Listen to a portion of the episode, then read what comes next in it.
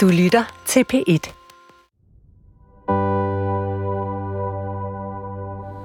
So today, I'd like to share with you how the United States is meeting the climate crisis with urgency and with determination to ensure a cleaner, safer, and healthier planet for all of us.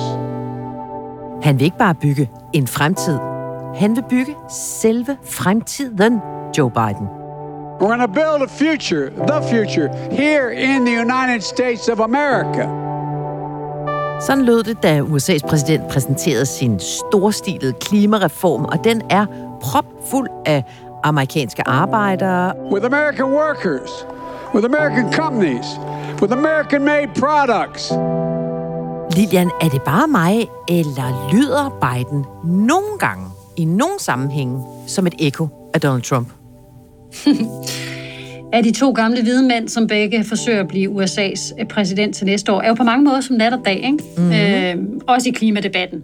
Men her har du faktisk delvis ret. Trump kaldte jo sin vision America First. Biden siger Made in America. Og selvom indpakningen nok er forskellig, så er målet jo til en vis grad det samme. USA's fremtid skal styrkes, og fremtiden er Made in America.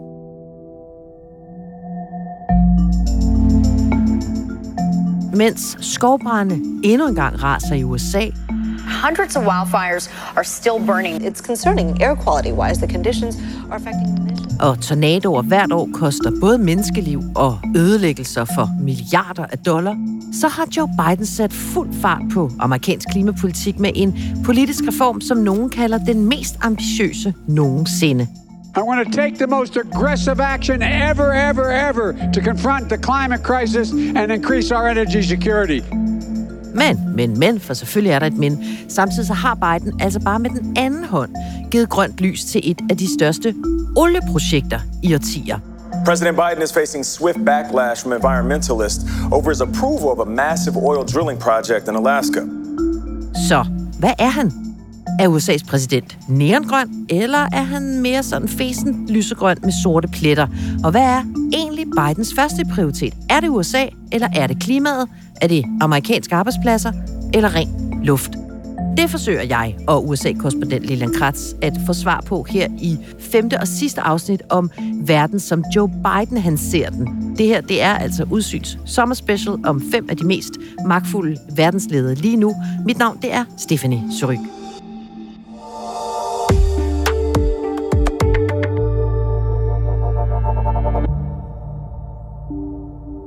Lilian, I bor i Washington, og det er cirka 1200 km fra de skovbrænde, som tidligere på sommeren raserede i Kanada, og som jo farvede øh, himlen over New York orange af bare øh, sodpartikler. Look at these incredible images. You can see the iconic Empire State Building shrouded in that orange haze.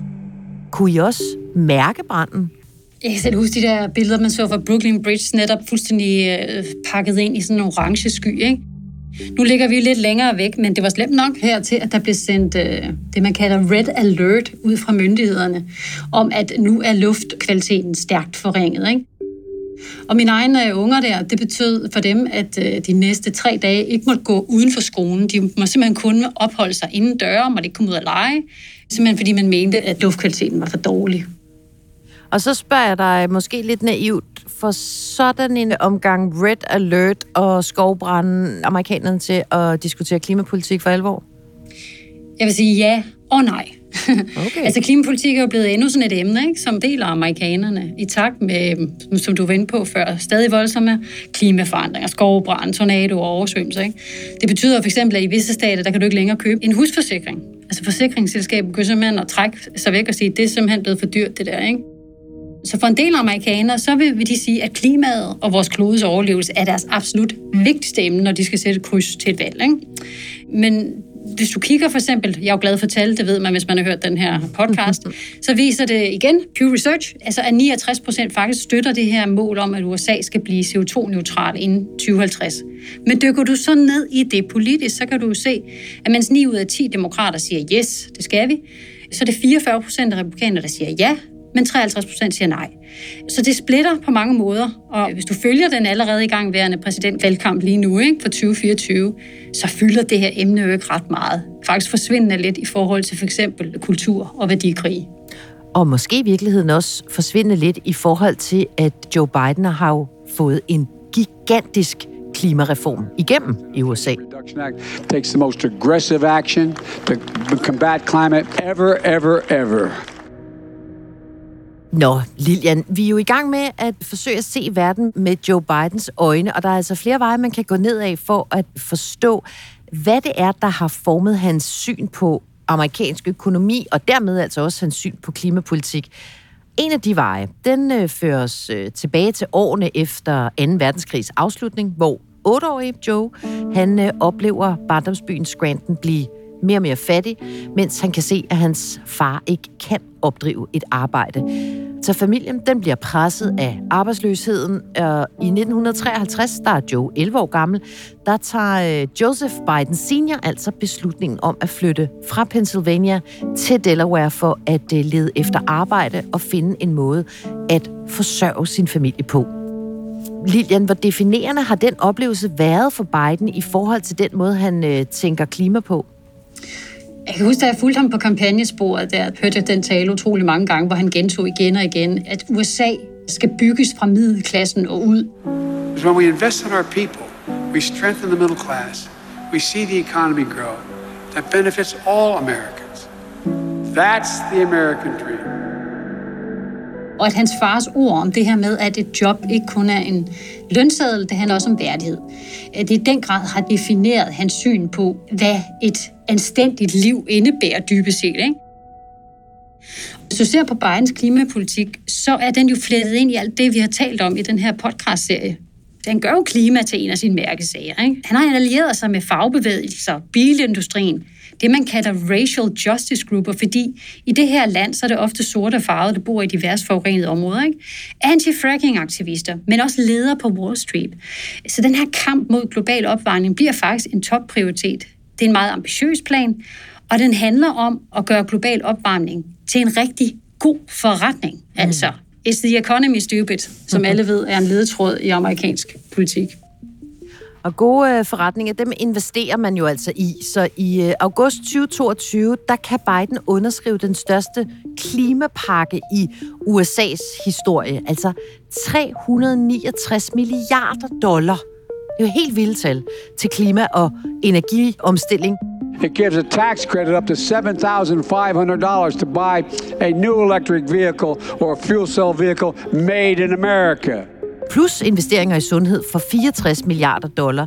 Den her pakke, som vi måske her i Danmark og Europa kalder klimapakke, den hedder sådan helt formelt Inflation Reduction Act. Altså det kan oversættes til lov om inflationsreducering.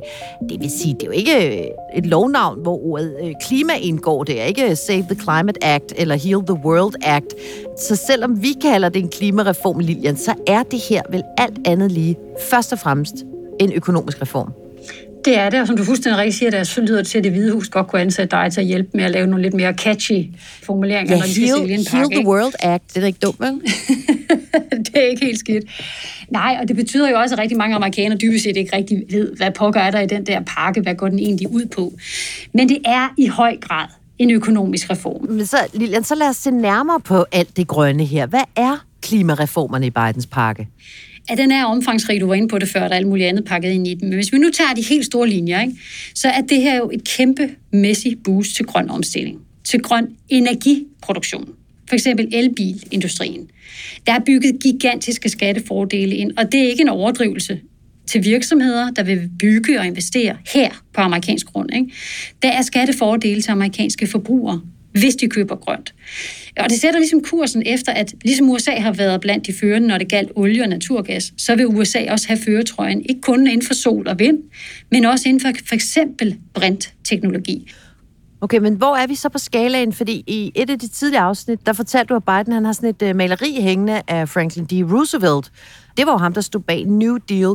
Kan vi gå så langt som at kalde den her reform for sådan en Green New Deal, eller hvad? Hvor ambitiøst er det her? Du vil altid finde kritikere på begge fløje. Altså på venstrefløjen vil man sige, at den ikke er ambitiøs nok. På højrefløjen vil man sige, at det her det er øh, helt forkert, at den føderale stat skal til at lave statsstøtte og sende en gigantisk regning til fremtiden osv. Men det er i hvert fald Bidens håb, at det her kan blive the Green New Deal. Og det er jo en plan in the making, som man siger herover. Måske kommer han ikke engang selv til at se resultatet af det. Det er en plan, der rækker ind i fremtiden. Willow Project would dismantle the air, food, and water quality for both people and caribou that live there. Green New Deal eller ej. I begyndelsen af februar i år, der poster en 20-årig amerikansk kvinde en video om et olieboringsprojekt i Alaska. Hun hedder Elise Joshi, og hun er rasende på Joe Biden. All of us need to raise our voice against this. This is a carbon bomb. Olien fra The Willow Project, som de her boringsplaner hedder, vil nemlig øge CO2-udledningen massivt. Og 20-årige Elise Joshi, hun erklærer simpelthen internetkrig mod 80-årige Biden, og hendes TikTok-videoer, de går viralt. Lynhurtigt svømmer TikTok simpelthen over i videoer med hashtagget Stop Willow. This weekend, we need to push as hard as we ever have. Gen Z will not accept the Willow Project moving forward. Lilian, hvem er det, som hende her, Elise Joshi, hun giver en stemme til? Det er jo særligt vælgere ude på venstrefløjen. Ikke? Altså de unge, som var med til at sikre Biden sejren over Trump. Og de valgte jo ikke Biden, fordi de bare elskede ham. Altså han blev jo et tilvalg, fordi at Trump var et fravalg for dem. Ikke? De ville hellere have haft en Bernie Sanders eller en Elizabeth Warren, som de mener har en meget mere ambitiøs klimapolitik. Ikke?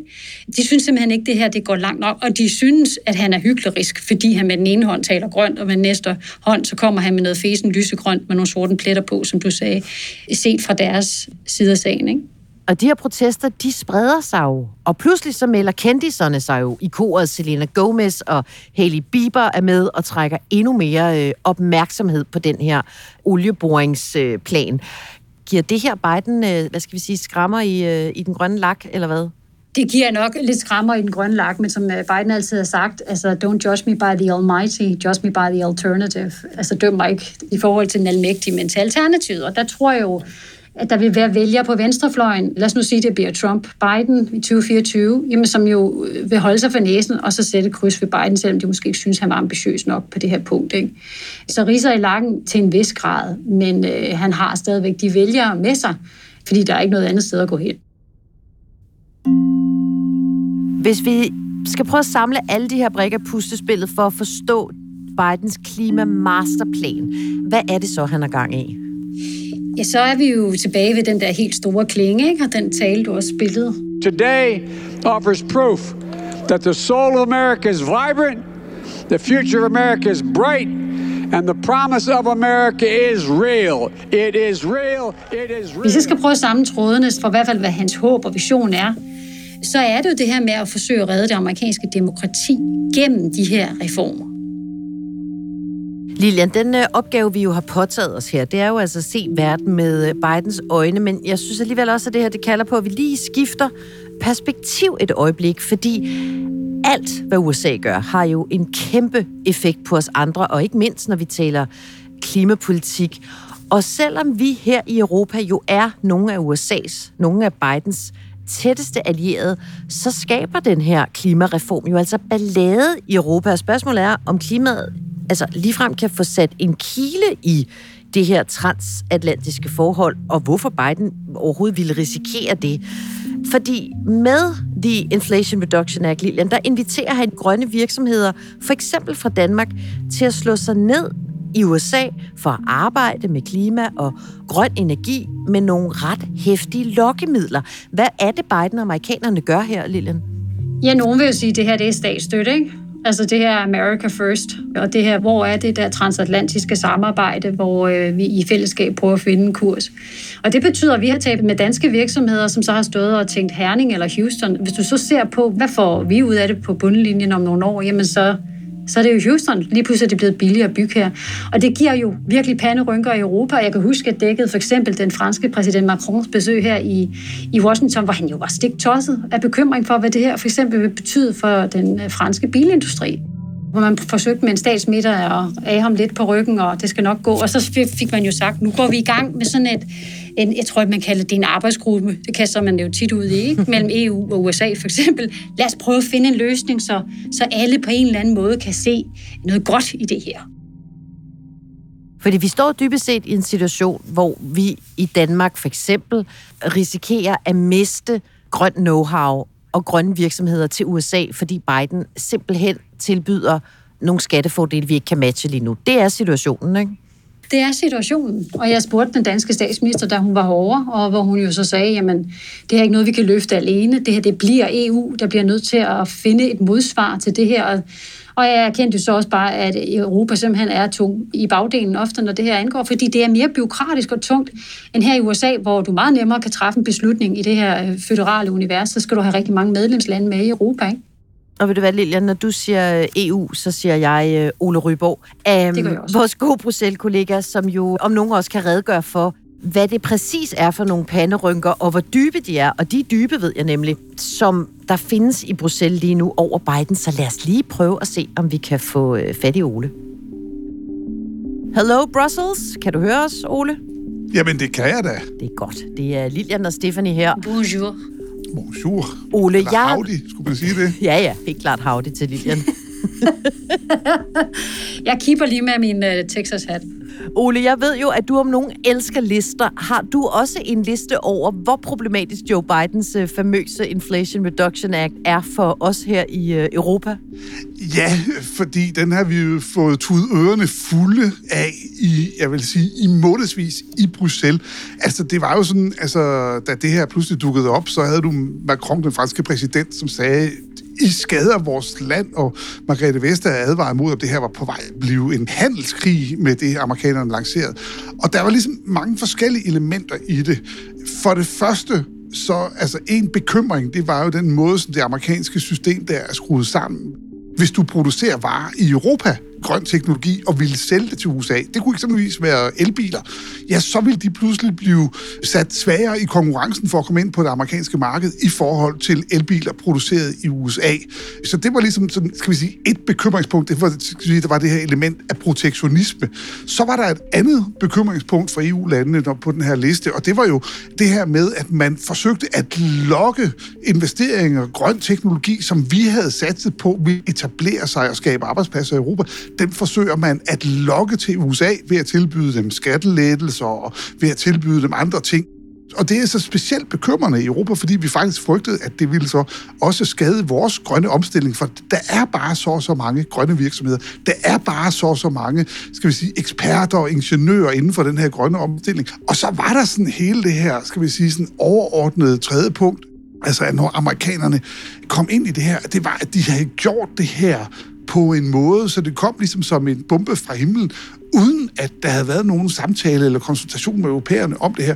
Og der var jo nogle ret fatale set fra Europa, fejl i Inflation Reduction Act, som gjorde det hele ret besværligt også at håndtere efterfølgende, nemlig at man havde lavet nogle undtagelser for de lande, som USA har handelsaftaler med, og så havde den amerikanske kongres helt enkelt glemt, at der er ikke nogen handelsaftale mellem EU og USA, og dermed så stod europæerne pludselig i det her meget dårligere end alle mulige andre lande, Mexico og Canada og alle mulige andre. Så der var sådan, det var i hvert fald tre punkter på min liste, som var skabte meget bekymring og dybe panderynker i Europa.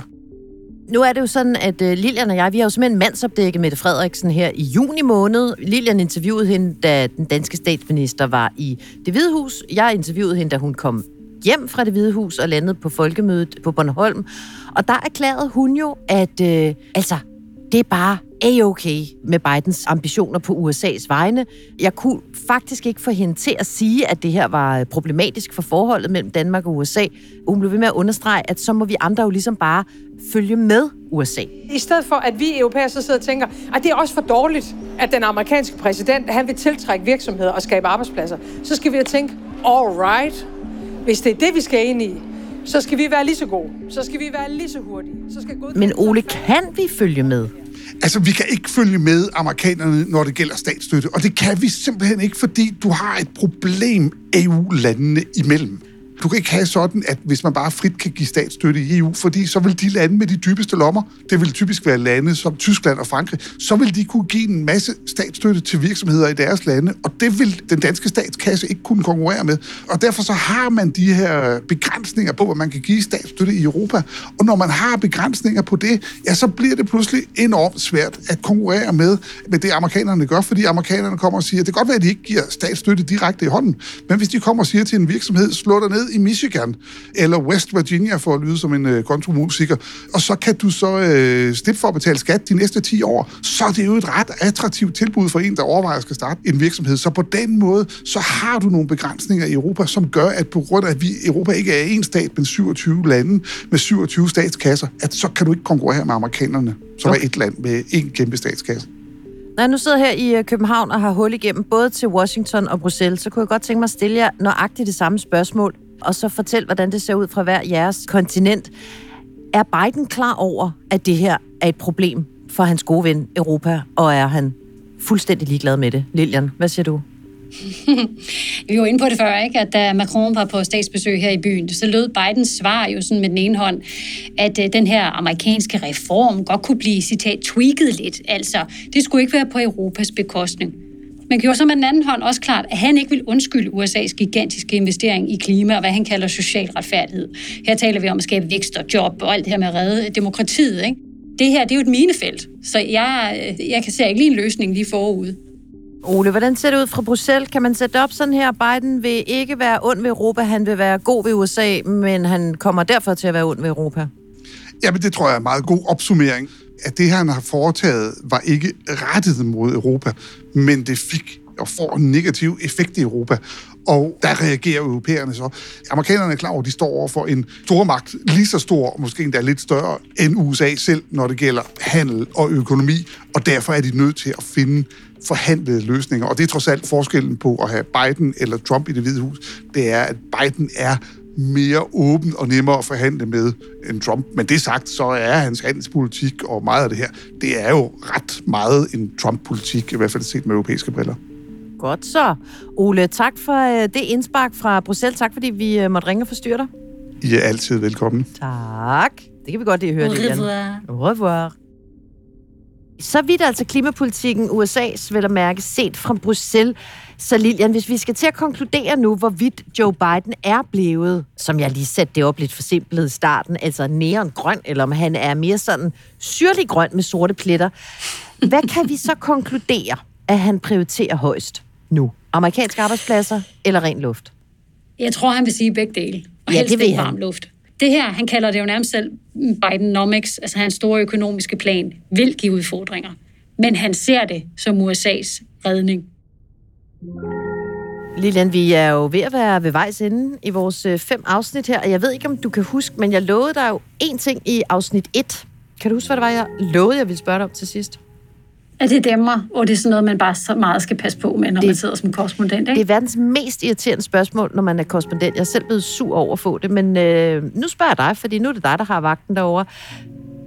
Joe Biden, vi har talt om valgkampen, on and off. Det er fuldstændig umuligt at diskutere Joe Biden lige nu, uden at diskutere det faktum, at han stiller op som øh, USA's præsident en gang til. Bliver han USA's næste præsident? Så er vi ude i den der, det der tikrum, så krystalkuglen, jeg talte om. Hvis jeg har lært noget, Stephanie, efter seks år som korrespondent i USA, så er det, at man skal passe på med at komme med forudsigelser i amerikansk politik. Fordi det har Trump for eksempel bevist igen og igen, at det kan være en meget, meget svær kunstart. Han er tilbage og bliver måske tegnet til republikanernes kandidat. Så jeg vil sige så meget som her. Hvis det bliver de to gamle hvide mænd igen, så tror jeg, Biden har en god chance for at sige four more years. Okay, godt, Lilian. Jeg fik lukket dig længere, end jeg troede, du ville gøre. Jeg, Så må vi se, om jeg kommer til at æde de ord. You never know. nej, jeg tror, det er... Jeg er meget enig. Jeg vil sige, jeg er meget enig i den vurdering. Men som sagt, er der noget, vi ved, så er det, at alt kan ske i amerikansk politik. Og det gør det også hele tiden. Det var en fornøjelse. Tak, Lilian. Tak, og god sommer til alle ude i sommerlandet. I lige måde. Du kan høre meget mere sommerudsyn om verdenslederne i DR Lyd-appen. Alle afsnit om Joe Biden ligger allerede klar. I næste uge, der handler det om Tysklands kansler Olaf Scholz, og der får jeg besøg af en af mine gode korrespondentmarkere, nemlig Michael Reiter, som går ombord i det, nogen kalder for den mest ukarismatiske magtfaktor i Europa. Auf Wiederhören.